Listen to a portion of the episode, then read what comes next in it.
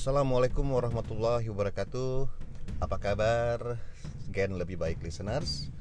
Saya Norman Nugraha. Hari ini kembali pengen sharing kepada teman-teman semua. Mudah-mudahan semuanya dalam keadaan baik ya. Eh, Tetap ikutin anjuran pemerintah Tetap kita berada di rumah Kita melakukan eh, physical atau social distancing Jaga jarak dengan semuanya.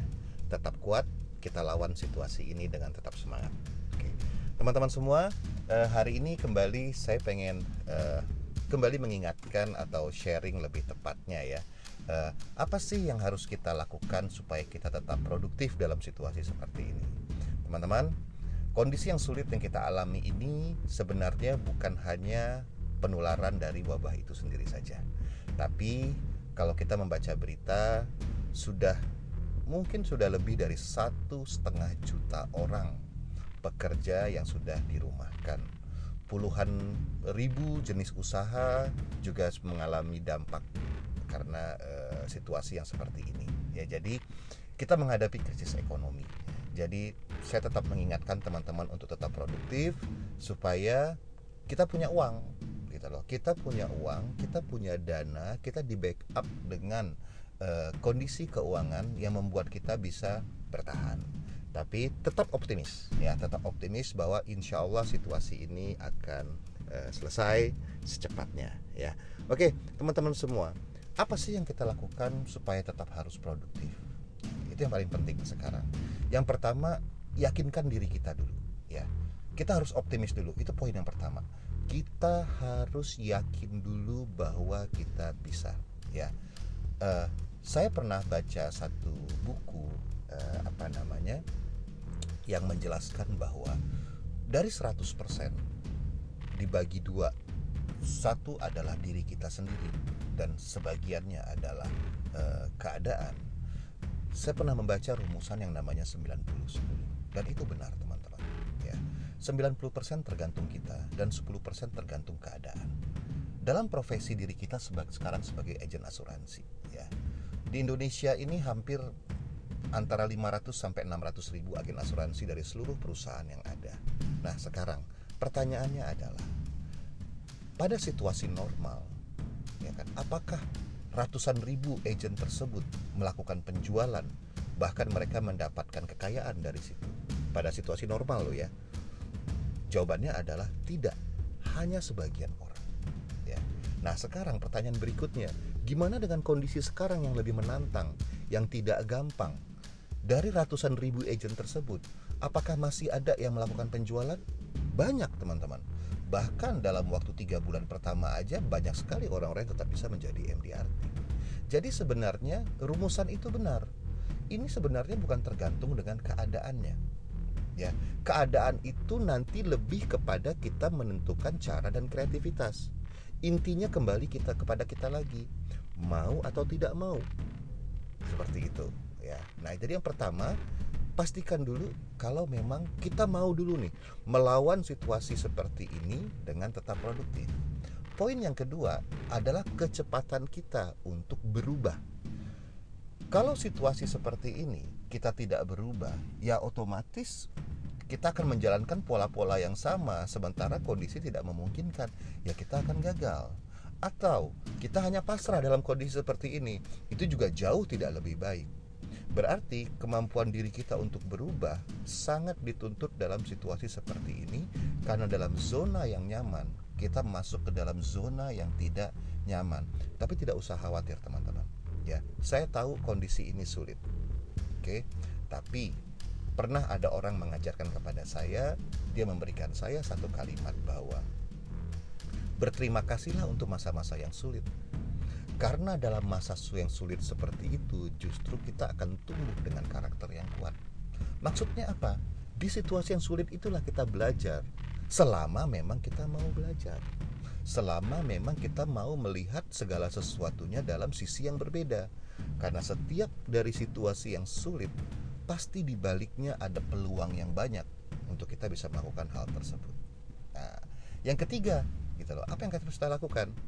Fokus kepada cara pendekatan online kepada nasabah. Oke. Jadi fokus kepada cara pendekatan online.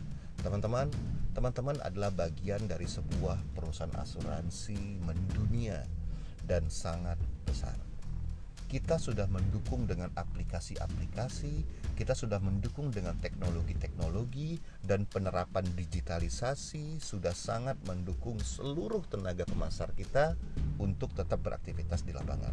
Gunakan hal ini. Ya, gunakan hal ini. Ya, karena perusahaan sudah memberikan dukungan training tetap berjalan, dukungan supervisi tetap berjalan atau apa pun ya yang sifatnya adalah membantu teman-teman untuk mencapai produktivitas. Hanya saja caranya berbeda. Tapi kembali lagi teman-temannya mau atau tidak. Ya, fokus kepada online pendekatan dengan nasabah. Nah, apa yang berikutnya? Yang berikutnya adalah teman-teman cari produk yang relevan. Berdasarkan sumber yang saya baca di beberapa media, kebutuhan tentang asuransi, terutama kesehatan, itu melonjak tinggi Sementara bahkan kita memiliki produk yang sangat bagus. Ya. Kalau kita tidak menawarkan kepada orang lain, berarti agent lain akan menawarkan ke orang tersebut. Maksud saya seperti ini. Contoh misalnya, ya. Nasabah biasanya pasti punya banyak teman kan begitu.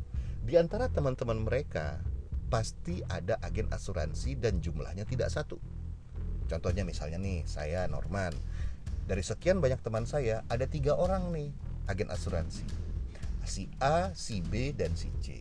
Si A, si B, dan si C itu berasal dari perusahaan yang berbeda-beda dengan produk core-nya sama kesehatan, tapi mungkin fitur, benefit, keunggulannya agak sedikit berbeda. Pertanyaannya, saya Norman akan ngambil asuransi dari yang mana? Si A, si B, apa si C? Oke, okay? karena dalam kondisi seperti ini saya butuh asuransi kesehatan nih, apalagi yang mengcover virus yang lagi menular. Otomatis yang saya akan beli adalah dari orang yang lebih sering menawarkan kepada saya.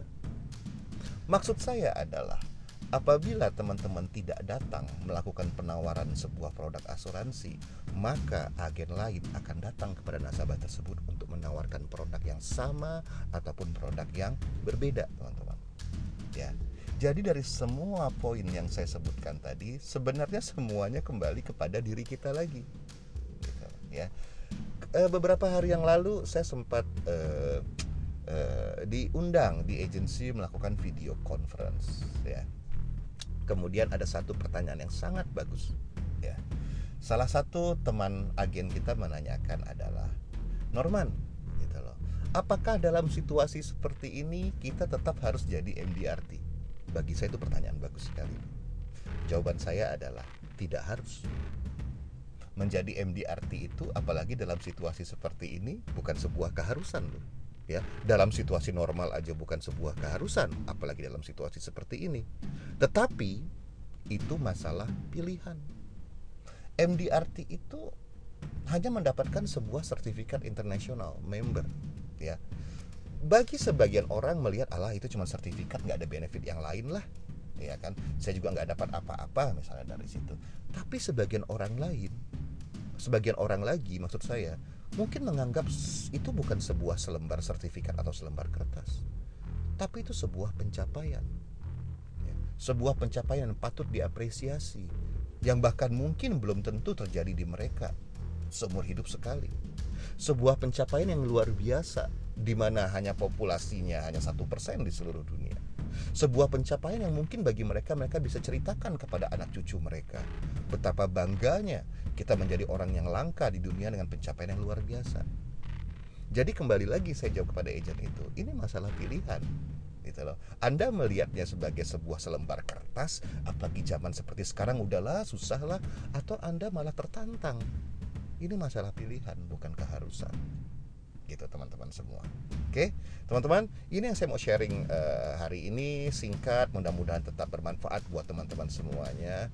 Ingat teman-teman tetap optimis tetap semangat. Insya Allah ya wabah ini situasi ini akan cepat pulih normal. Tapi ingat kita sebagai manusia tetap harus berikhtiar. Kita nggak pernah tahu kita bisa prediksi ini sampai kapan kondisi keuangan kita juga tetap harus membackup Nah, sementara teman-teman adalah pebisnis. Pebisnis yang didukung oleh perusahaan yang besar di dunia. Oke, kita udah menyiapkan segala infrastrukturnya. So, jadi kembali kepada teman-teman lagi. Anda mau fight tetap produktif untuk tetap bisa hidup sejahtera atau Anda memilih sebaliknya. Tetap dengarkan Gen lebih baik eh, podcast karena belajar nggak ada batasnya. Assalamualaikum warahmatullahi wabarakatuh.